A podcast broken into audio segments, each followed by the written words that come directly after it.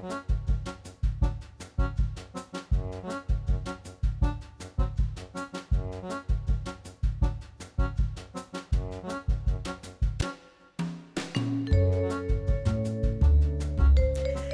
sæl, þetta er mannlegi þátturinn sem hefst núna þennan fymtudag og það er komin fyrsti júni. Já, það er bara komin fyrsti júni og við ætlum að renna yfir sögu þessa dags eins og við gerum alltaf. 1479 var Kaupmannahafnar háskóli stopnaður. Og árið 1908 þá voru fræðslulögin frá 1907 eh, þá gengur þau í gildi hér á Íslandi og hófst á skóla skilda 10-14 ára barna. Og bílpróf voru tekin upp í Breitlandi á þessum degi 1935 og 1943 vegna skorts á gúmi á Íslandi var fyrirskipuð skömmtun á gúmistífilum í stærðum sjö og yfir. 1982 bernar samningurinn um vernd viltra dýra, plantna og vistgerða í Evrópu tók gildi. Árið 1990 á þessum degi George Bush, fórseti bandaríkina og Mikhail Gorbachev, leiðtói í Sovjetríkina, skrifið undir samkómalag um að hætta framleyslu og efnavopnum og um leið hófur ríkin að eigða byrðum sínum. Reykingabann tók gildi á öllum veitinga og skemmtistöðum á Íslandi á þessum dögum, á þessum degi segi 2007 og þá held þá heldur margir að, mm. að bara að, veit, að öldur hús myndu bara leggast niður já, já, bara. einmitt, engin myndi mæta en það voru nú öðru nær. Og það er eh, eiginlega ótrúlegt að hugsa til þess í dag að þetta var einu sinni leifilegt Já, og bara sko 2007 hugsaði það svo stutt síðan en e, svo hafa margir haldið fram að það hafi bara auka hópur hópurinn sem ekki reykti og þóldi ekki svona reyk hann fór síðan að leggja leið sína á eh, hérna þessa staði mm -hmm. mm. En að efni þáttarins Já, við ætlum að ræða við hann rapp eh, Daví Rapp Kristjánsson, hann er framkvæmdastjóri fyrirtæki sem heitir Swap Agency og það fyrirtæki sér hafið sér fjárvinnu millir landa. Daví bjó í Asju um tíma og ferðastarum í nokkur ár og hugsaði með sér að það væri nú frábært að geta unnið fyrir hvaða fyrirtæki sem er, hvar sem er í heiminum. Þetta fyrirtæki var síðan stopnað 2017 og aðstóðar starfsmenn búsetta á Norðurlöndunum við að fá greitt sem launþegar þegar þau vinna fyrir fyrirtæki utan þess lands sem þau eru búsett í. Og þetta fyrirtæki hefur verið að já, vinna með stóru fyrirtækjum heimsins eins og Google og TripAdvisor, Harvard og uh, fleiri. Og hann ætlar að setjast hérna hjá okkur á eftir hann Davirafn og segja okkur nánar frá. Svo ætlar hann Guðjón Helgi skúfuskáldu flóanum að bera vingil inn í pisli dagsins að útilegu búnaði af ímsu tægi. Já, og svo verður haldin hér um helgina e, alþjóðli drengjakóra hátíð. Já, það verður gert þegar að drengjakóra Reykjavíkur tekur á móti Sofía Boys Choir frá Búlgari sem er meðal virtustu drengjakóra í Evrópu. Og að hátíðinu verða haldnir þrennir tónleikar í Skálholti, í Hallgrímskirkju og í Ytri Njarðvíkur kirkju og á þessum tólingum munu koma fram alls 50 söngvarar á aldrinum 8-20 ára sem flytja fjölbreytta efnisgrá þar sem íslensk og búlgörsk tónlist verður í fyrirrúmi. Og við fáum til okkar hana Önnu Hugadóttur, hún er formaður fóreldrafélags drengjakurs Reykjavíkur. Hún ætlar að segja okkur nánar frá þessari háttíð og líka starfsemi drengjakurs Reykjavíkur sem er nú eini drengjakúrin hér á Íslandi. En við byrjum á tónlist eins og alltaf og það er Ríó Tríó sem á fyrsta leikja okkur lag eftir Gunnar Þórðarsson, texta gerði Jónas Friðrik og þetta heitir Bjart síni.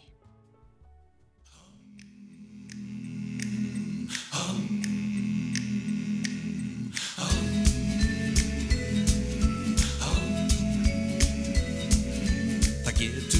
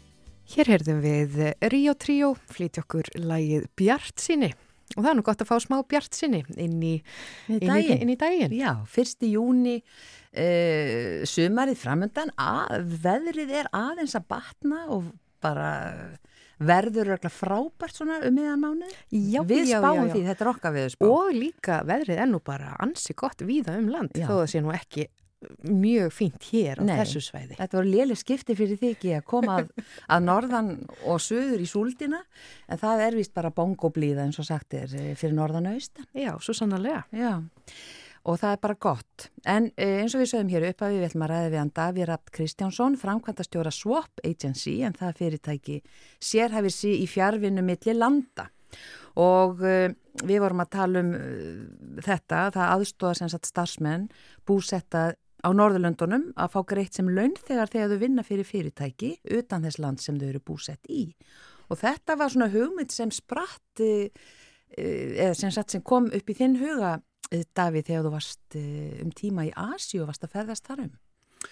Já, passar. Um, ta bara takk fyrir bóðið, gaman að vera komin. Um, ég sem sagt var í Asíu, var að læra lögfræði í háskólinu Akureyri og mér bauðst að fara í skiptinám, uh, annarkvort til Kaupmannhamnar eða Peking.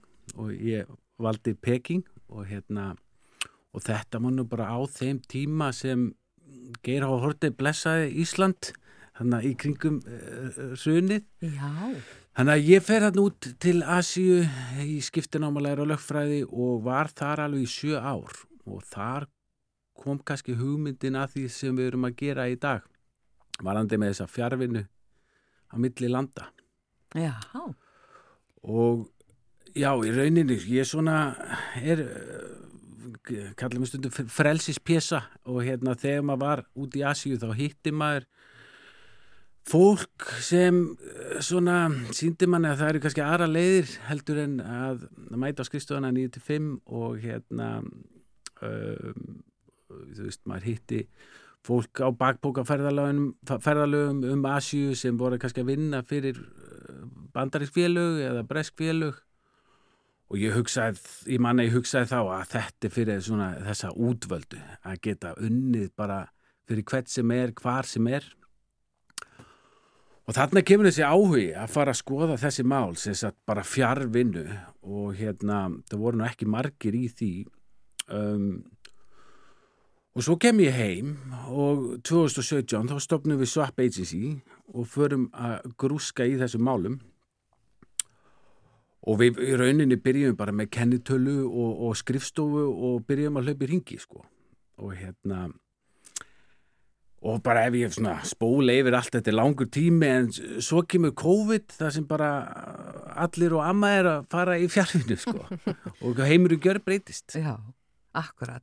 En fyrir þann tíma þá voru það kannski bara hverjir sem voru að vinna í svona fjárvinnu, kannski einhverju svona sem að sá stafsmenn Google eða einhverju svona, Já, einmitt, þetta var einmitt bara mikið til einhver sérstakur hópur. Já, Já. svona þetta voru sko á ennsku kallast þetta digital nomads og það hafa verið að þýða þetta hafa verið stafræni flakkarar Já, og þeir eru búin að vera til í dágóðan tíma og þetta voru mikið til kannski forritarar og hérna og svona tæknifólk og ég man bara veist, að sjá það hérna með tölvuna í vinstri og, og mojito í annari verið að vinna á bandarísku launum í Asíu sko. þetta var alveg svona hérna, eitthvað sem mér þótti rosalega spennandi Já, en þetta var rosalega langt frá manni sko. já.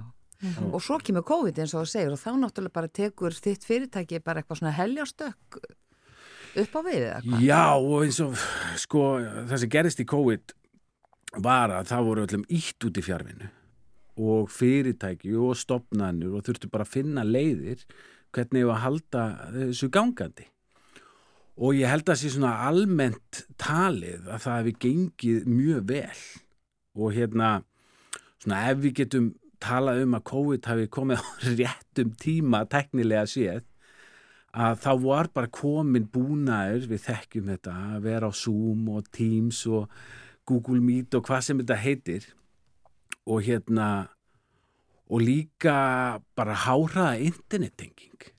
Við munum líka eftir því að vera hyggstandi á Skype og ná, ekki einhver gegn og dett út og annað. Þannig að almennt talið er bara að þetta gekk upp og nú er allir að reyna að finna út hvernig ég var að gera þetta. Þú veist, þannig að já, En hvernig var það sko, þú segir að, að, hérna, e, fyrirtæki þurftu þannig að, að, að leita, leiða og lausna og, og, og svona elbdu líka sína innviði til þess að svona hlutir gætu gengið upp. Þannig að komu fleiri e, sko e, til þín úr öðrum brönnsum heldur en kannski þessi tæknigeiri.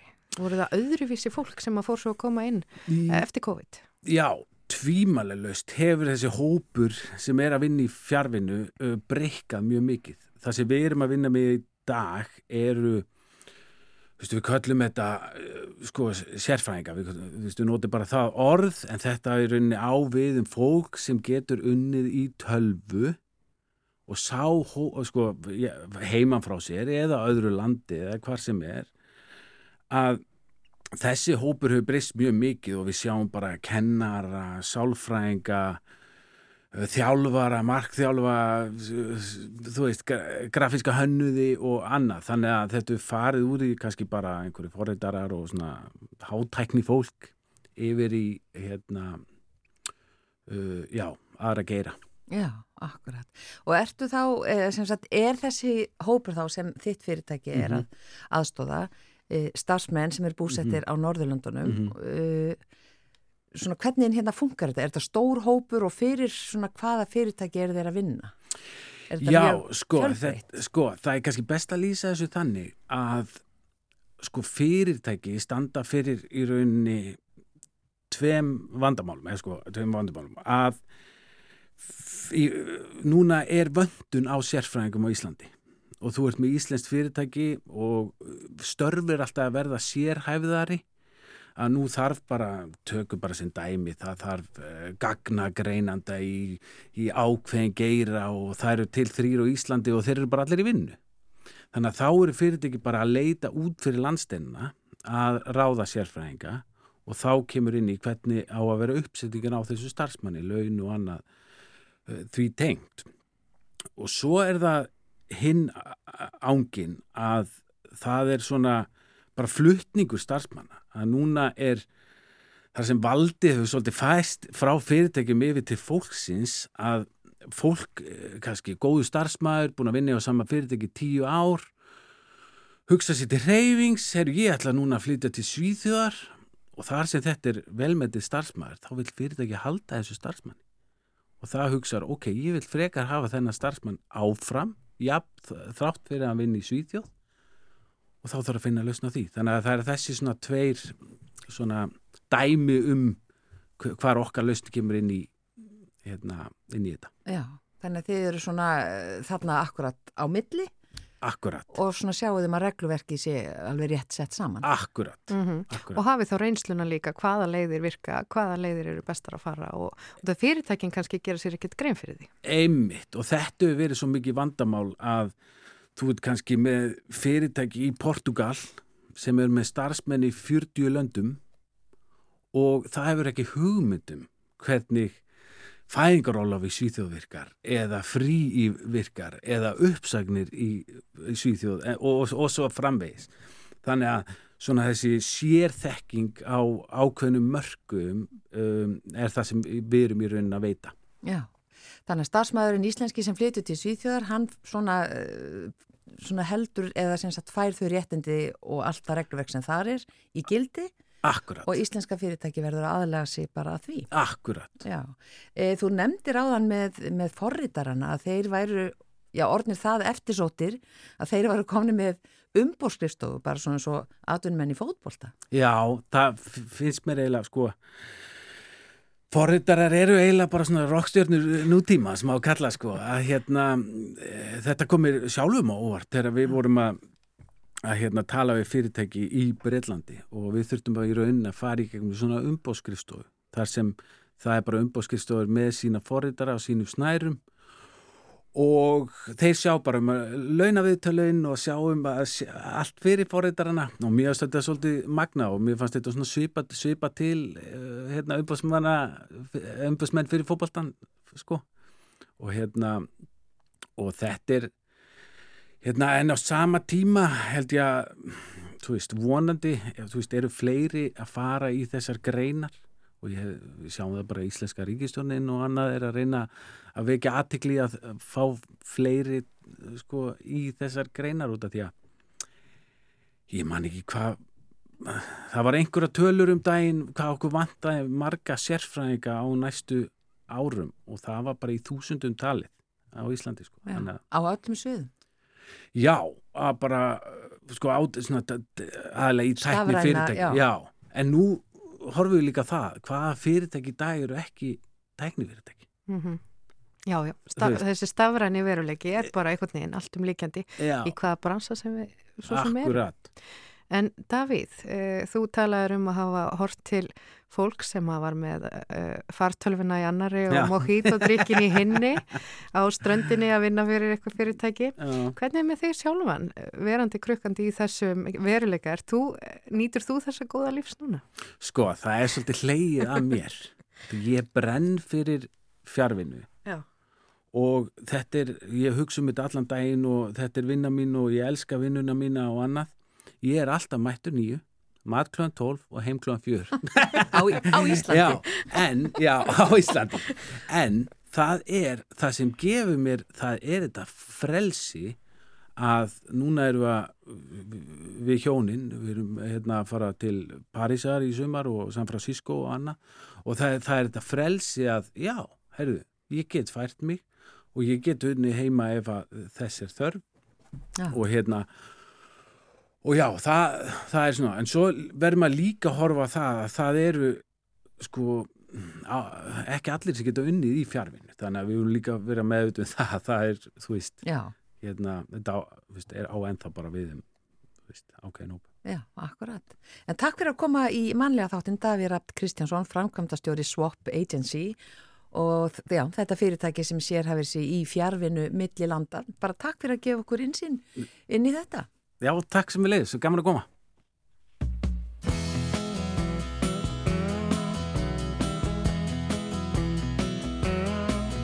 Ég læðist oft upp á háa loft til að nýsast í gömul blöð. Þegar sit ég eitt þar kom upp minningar og allurðar rásverður hröð. Allir strákarnir voru í támjóum skóm og stelpur.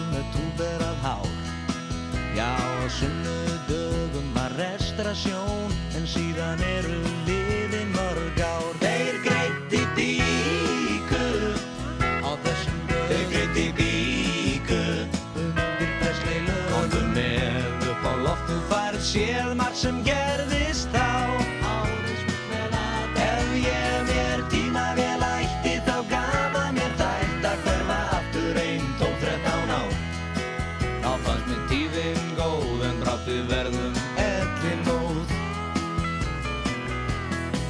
Það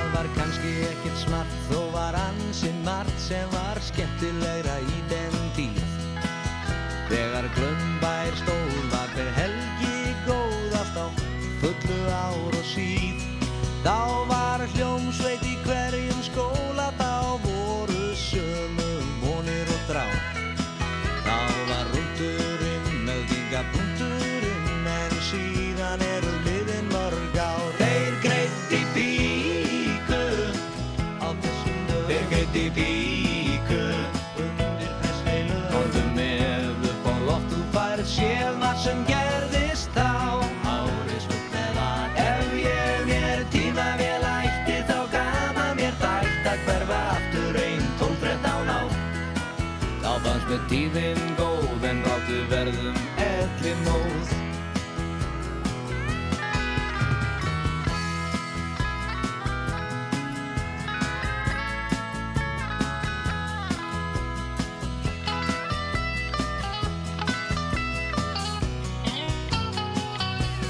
Þá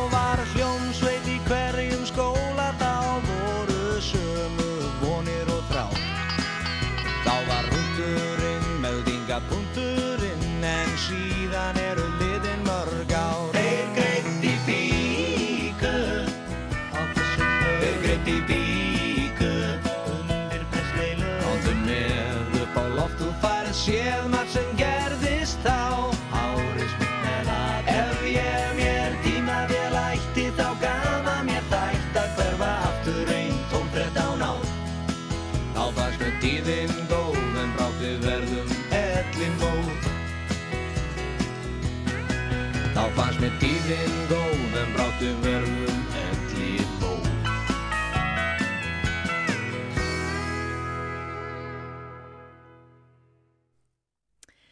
Þetta var hljómsveitin Brimkló, lagið síðan eru liðin mörg ár sem er erlend en þá stein Eggertsson samtið þennan texta. En þá er komið að skúfuskáltinu okkar úr flóanum, honum Guðjóni Helga með sinn vingil í pisli dagsins og þar verður tekið, eh, já, það er viðlegu búnaður og Madame Butterfly sem koma þar við sögu. Ágætu hlustendur.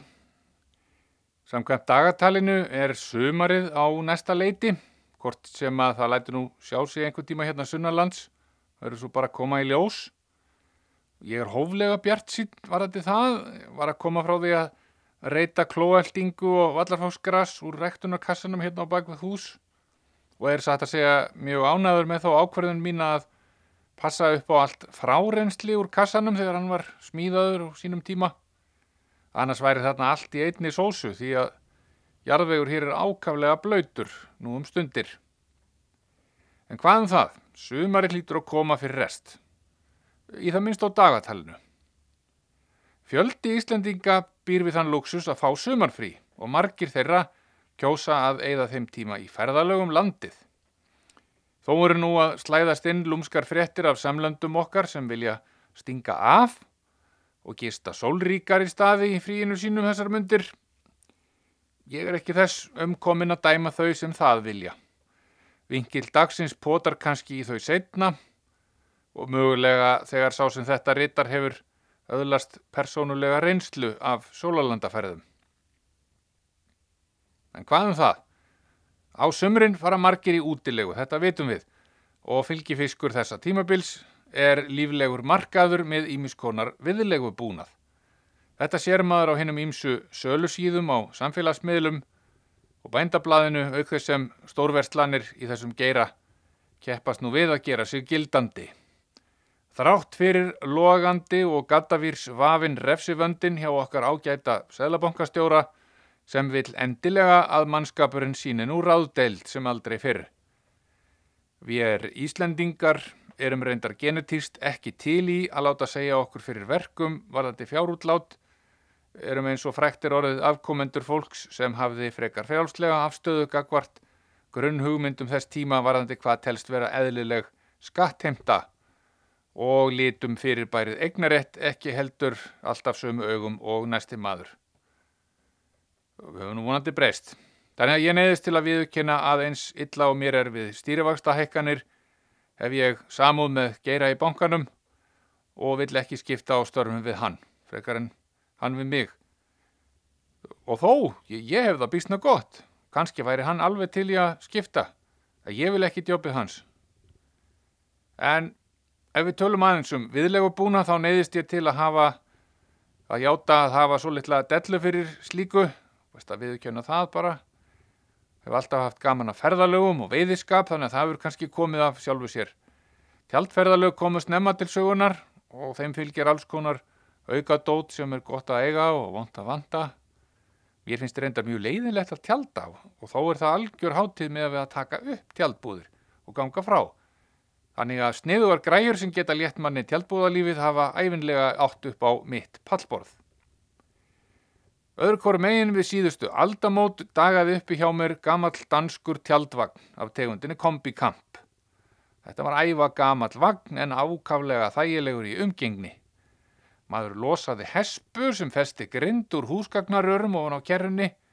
Grindin var á lögum aftast, maður lifti hinum hlutunum og þá laðis grindin á kolf fyrir aftanvagnin. Síðan svifti maður upp lokinu sem varð að botninum í fremri hlutavaksins og grindin fyrir neðan. Þetta voru í rauninni bara tvö handtök og maður var búin að tjálta.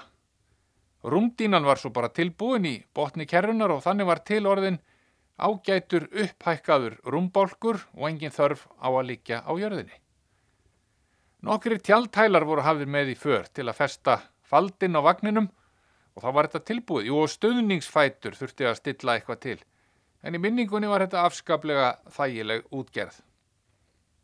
Áður en ég mæri gamla kombikampin alveg upp í hástert er rétt að minna á að hann var æfa gamal og fegst ódýrt vegna þess að ímislegt þurfti að laga meðal annars hjólabúnaðin sem var af svo kalladri flexitor gerð. E, það fyrirbæri var orðið töluvert út ásað og lúið ef ég mann rétt og voru báðir hjólbaraðnir orðinir ónýttir strax í borgarnesi í fyrstu útilegunni. Glöggur starfsmaður hjólbaraðvestaðis á staðnum sá að Túturnar voru af svo gamalli gerða þær fengjust hverki nokkuð staðar en benti góðfúslega á að hægt væri að nota landbúnaðardekk undan far rekstrarvél. Það væri nákvæmlega sama stærð. Jafn góðfús var hann að benda á þá staðarind að landbúnaðardekkjum væri ekki ætlað að aka hraðar en 30 km á klukkustund. Ekki manni nú hvort ég virti það en ég kefti af hann fjögur svona rekstravéladekk, tvöti vara. Þau kostuðu nánast ekki neitt. Nú og með það fyrir augum að ég gæti þá með tveimur skrújörnum og slaghamri skiptum dekk ef allt fær í skrúuna. Sem það auðvita gerði. En ég heimsótti sigurlögu föðursýstu mín á Átna Jón sem þá byggu á bálkastöðum í hrútafyrði og við bóndin fundum það út í saminningu að eina vitið væri að kvolva vagninum og reyna að stífa hjólabúnaðin af. Þannig að hann vildi fara í sömu átt og dráttartækið sem var herragarsvagn af gerðinni Volvo 245 GLT. Vollanum var alveg sama um þennan danska eplakassa sem að ég hefði hengt á beislið og rann fyrirhafna löst samkvæmt sínu eðli en tjaldvagnin blakti svo á eftir eins og gamm og síður til þerris.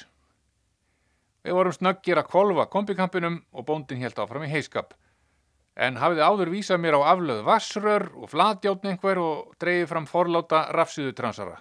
Þannig ég geti stífað þetta eitthvað til. Og gerði það. Var líka ungur og bjart sín eins og maður á að vera og ekkert sérstaklega viðkvæmur fyrir uppháleiri hönnun þessa búnaðar en þeim mun spenntari fyrir eigin endurbótum. Nú nú meðan ég hamaðist með sleggjum og slípirokkum á hjólastelli vaksins, alveg í eigin heimi, voru eiginkona mín og dóttirinn í bæi að spjalla við frengu. Ég held auðvitað að það væri til að nesta flögið úr slípuroknum lendi ekki á þeim en sannleikurinn var nú sennilega frekar að þeim leist ekkit á þessa vittlesu því að ekkit eðlilegt fólk hengir svona útilegu fordlegarættan í bílinn sinn og heldur síðan af stað til að aðtúa hvaða verði nú helst sem geti bílað á leiðinni. Með það fyrir augum að tækiverðið kannski komið í samilegt lag á leiðinni heim afleggjaran eftir ringverð um landið. Að lokum koma því að maður hætti að sjóða, slípa og saga, klíndi rauðum bytt ætigrunni á suðurnar, veldi vagninum við, þakkaði kjallega fyrir sig og helt ferðinni áfram. Ég man ekki til annars en að dragaldi þjónaði svo sínu hlutverki í ferðinni og, og lengur þetta var til í nokkur ár. Einhverju voru meiri sig að svo hugaður að fá þetta lánað og gekk bara ágætlega.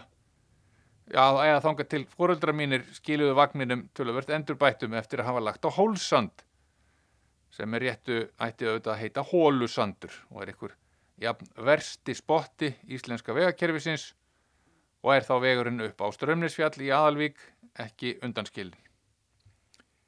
Og við hjónin höfum svo prófað ýmsar gerðir af útilegu græjum og viðlegu búnaði undanfarin alltaf fjórðungi eða svo, alltaf eftir því hvernig vindar hafa blási hverju sinni og talandi um vindin sem blæs því að eitt árið eignuðust við árskamalt hjólhísi sem einhver listunandi í verksmiðunni hafið ákveðið að skildi bera eftirnafn Giacomus Puccini sem eins og margir vita var ítals tónskáld og samti margar af vinsælustu óperum tónlistarsögunar meðal annars La Bohème, Turandot, Tosca og, og síðast en ekki síst Madame Butterfly sem átti að gerast í japansku borginni Nagasaki. Þeirri sömu og var lögð í eyði með kjarnorkusprengju í ágúst 1945. Hjólísinu með þetta fína tónskáldanafn var svo komið fyrir á landaregn okkar og grafin niður akkeri sem fest voru með stálvýr í grindin á því, reistur skjólveggur að auki og átti sjatteringin að þóla hinn verstu veður Gott ef að landrófurinn okkar gamli átti ekki að brjóta suðvestanáttina líka. Við höfum auðvitað ekki nokkra ágjur af þessu dóti því hér ríkir alla jafna fádæma veðurblíða eins og frækt er. En þó brá svo við að gerði óveður og auðvitað um nótt. Ég fekk símtal frá haugin ágranna í seljatungu morgunin eftir. Hann er skattfellingur að uppruna og ákaflega orðvar maður eins og þeirra er siður. Ég hef aldrei orðið varfið að hann bætti við nokkra sögu og Þess vegna brá mér aðeins þegar hann sæði eftir að hafa hilsað mér að hann sæi ekki hjólisíð okkar en væri nokkuð vissum að það hefði verið á sínum stað deginum áður. Ég gætt staðfest það hafði enda verið að sísla með plöntubakkaðar kvöldið áður, þakkaði auðvitað kærlega fyrir hugulsemina og dref mig á staðin. Í ljós kom að grindin af hjólisínu var á sínum stað, vandlega stöguð niður en restin var gjörsamlega út um alla móa, alveg eins og það hefði verið sprengt í loft upp og dreifin af því öll fókið í sömu átt. Kanski hefði verið betur passandi að þetta ágæta hjólísi hefði heitið eftir Cho-Cho San, aðalsögu heitjun í Madame Butterfly, frekar en höfundi sögunar. Sér miðað við örlu hennar í loka atrið óperunar og nú segi ég ekki meira til að spilla ekki sögunni fyrir þeim sem eiga eftir að njóta hennar. Ég held að þau farið þrá rúllur af svörtum ruslapókum undir rusliður þessu skrapatóli sem notabene voru enn lögleg flokkunarílót þegar að Puccini sprakk af harmi. Við fórum ferð eftir ferð út í land að týna upp og fundum alltaf eitthvað nýtt. Gott ef ég fann ekki spilastokk við gróðursetningu fyrir fjórum árum. Og ekkert spil heilt um að jókerinn. Síðan hefur okkur ekki langað til að eiga hjólísi. Að lokum langum með að taka fram að við höfum farið í margar, ótalmargar, farsælar útilegur síðan og komi heim með allt ótist ráheilt. Þráttur er eininstaka æfintýra að ferða svona saman við. Mórat sögunar er að það er bannað að fara á taugum ef allt lendir í skrúinni. Aðalatrið er að geta retta sér. Og því fari nú létt með það í sumar. Góðar stundir.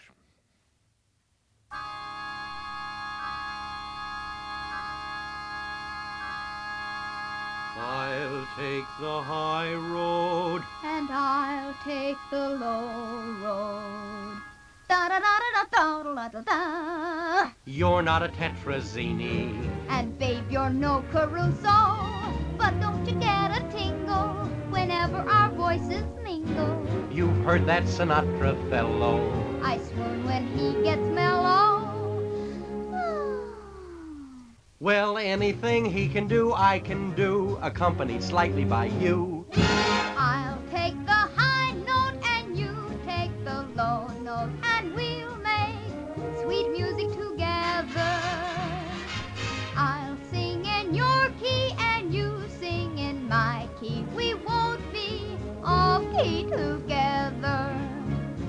We'd be such a lovely duet. We might even sing at the Met. There's no telling how far we'll go. If I sing high and I sing low. So I'll take the high note and you take the low note. And, and we'll make sweet music together.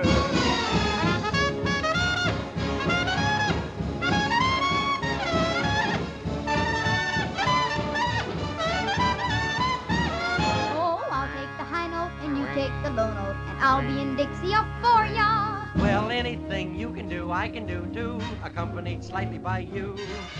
I'll take the high note and you take the low note, and we'll make sweet music together. I'll sing in your key and you sing in my key. We won't be off key together. We'd be such a lovely duet. We might even sing at the Met. There's no telling how far we'll go if you sing high. And you sing low. I'll take the high note and you take the low note. High. High. Da da da Da da da dee La do day. La today. High, high, high, hot la la. I'll take the high note and you take the low note and we'll make, we'll make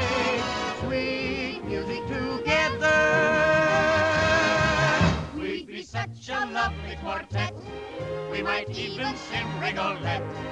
There's no telling what we could do. If I sing true and I sing blue. Bella fia dell'amore Ah. Sono dei besi tuoi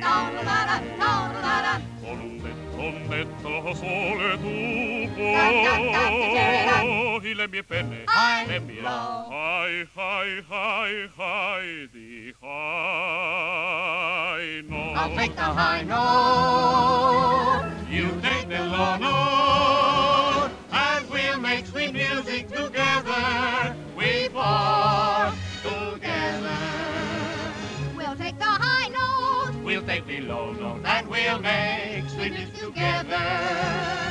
We'll sing in your key. We'll sing in your key. We won't be off key together.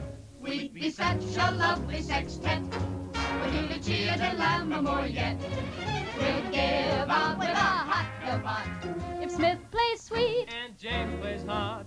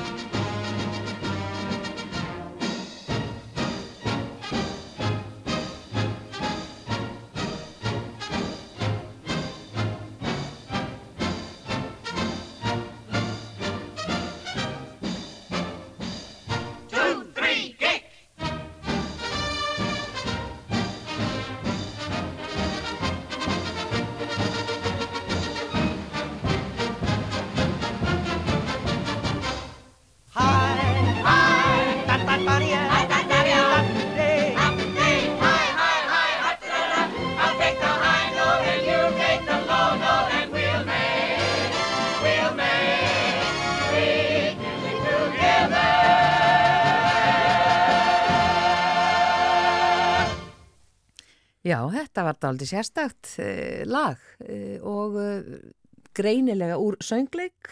Já, Og ég fann fyrir jazzhöndunum hann í lokin.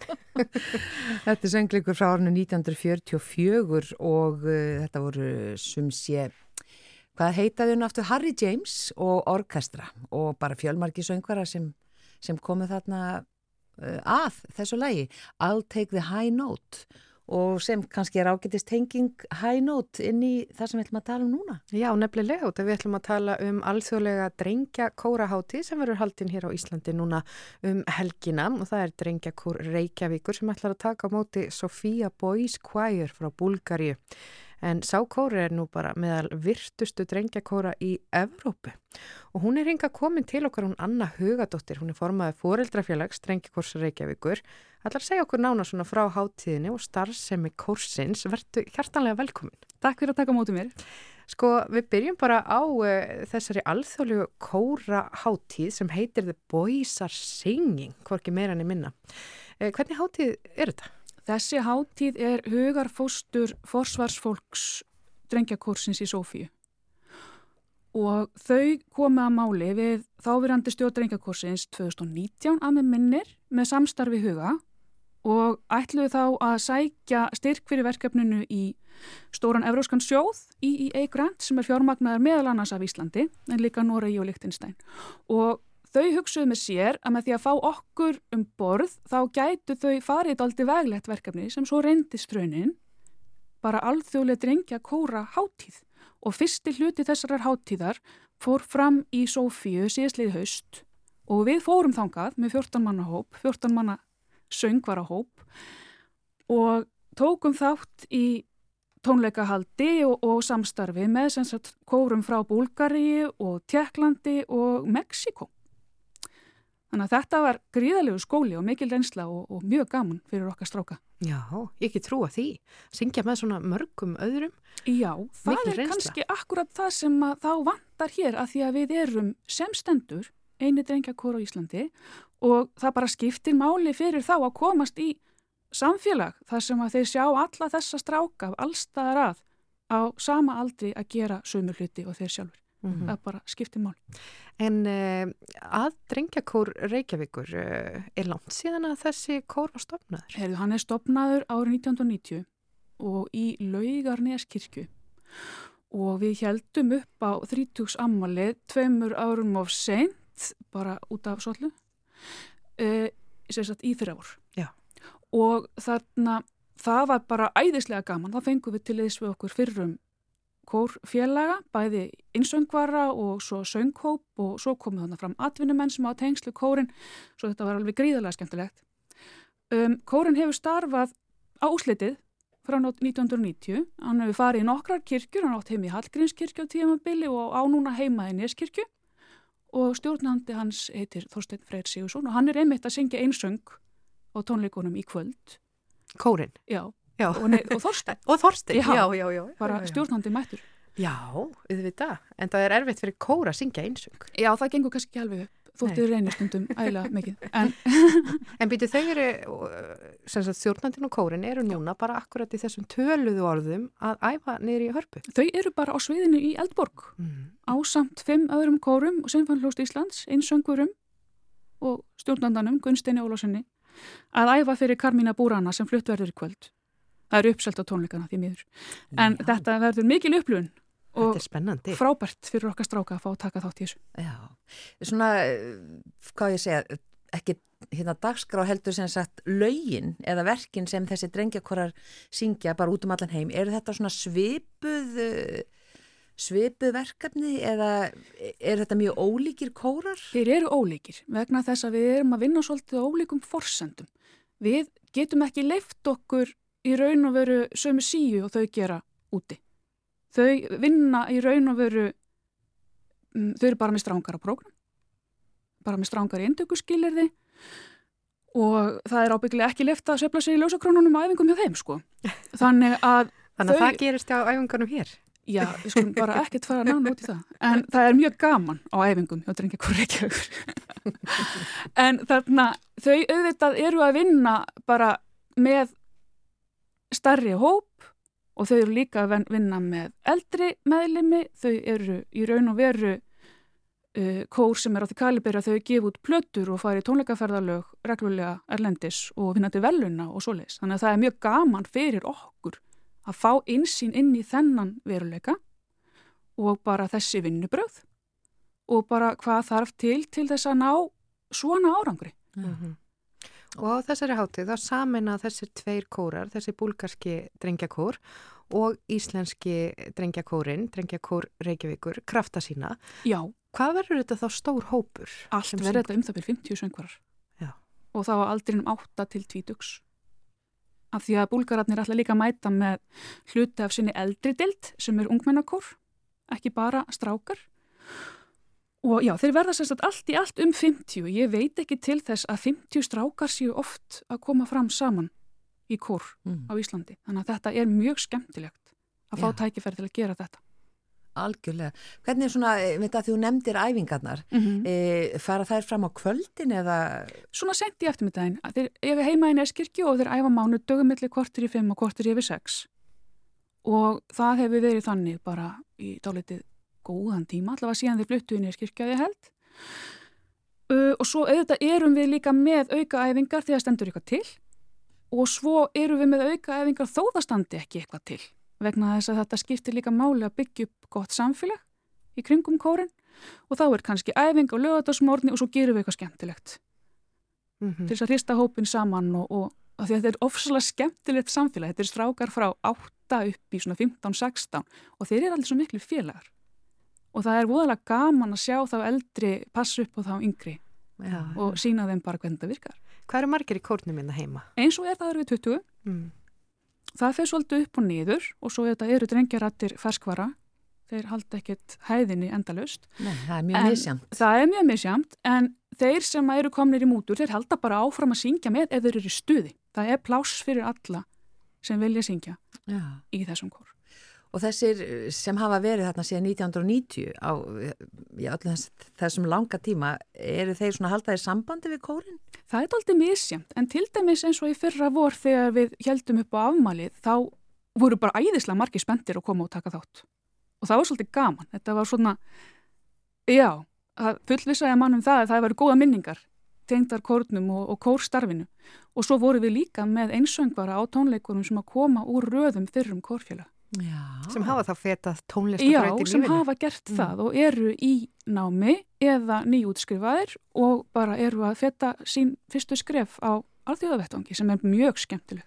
Já, hlýtur að vera hvetjandi líka fyrir þá og þetta getur verið Jú. svona, já, svona áhrifa ríkt að vera í svona kór. Svo sannarlega og til dæmis eins og að fara á svið með Sinfónljóðust Íslands og öllum þessum kórum í kvöld, þá fá þeir auðvitað þessa insýn hvað það er að vera tónlistamöður, hvað þýðir það að starfa við tónlist, er það eitthvað fyrir mig?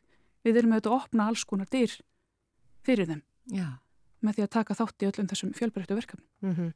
Og á þessari alþjóðlegu kóraháttíð sem að er núna framundan um helgina, það verða þrennir tónleikar og þeir eru nú ekkert bundnir við höfuborgarsvæði. Þið ætlir Nei. svona aðeins að ferðast um. Já, okkur finnst það bara mjög mikilvægt að þeir fái bæði það að kynna Ísland fyrir gestum okkar en svo líka bara að fara með músíkina út á land. Það skiptir máli. Við þurfum ekkert alltaf að býða eftir því að fólk komi til okkar, sko. Og svo eru líka bara frábær tónleikahús mjög víða um land og margar kirkjulandsins eru æðisli tónleikahús. Og við erum að fara í Skálholt á lögadaginn, það eru tónleika klukkan 1 og svo erum við ytri nærvíku kirkja á mánudaginn, það eru tónleika klukkan 5 og þetta eru frábær hús, ég hef komið fram í þessum húsum mörgum sinnum og þykir ofsalega vænt um þau. Þannig að við vorum auðvitað heiminn lifandi þegar við fengum inni og svo verðum við í Hallgrímskirkju á sundagsmorgunni messu klukkan 11 og svo á tólningu klukkan 2. Já. Og er, er ekki rétt skilja hjá mér að, að það er ekkert eh, gjald, uh, er engin aðgangseirir á tónleikana í Skálholti og... Og í Njarvík, Njarðvík. við vorum svo heppin að fá styrk frá bæði tónlistasjóði og barnamenningasjóði sem ger okkur kleift að gera tón, tónleikana í Skálholti og í Njarvík gjaldfrjálsa og stilla með að verði mjög í hófi í Hallgrímskirkju. Þannig að þetta er bara frábært, það leggist allir á eitt við að hjálpa okkur að gera þetta eins vel úr garði og hægt er og ekki síst bara fóreldrafélagi sem hefur lagt ómælda vinnu á sig Mm til þess að gera þetta allt saman að veruleika. Já, og þú ert einmitt formaði fóreldrafélags Korsins Jú, það Eh, veist.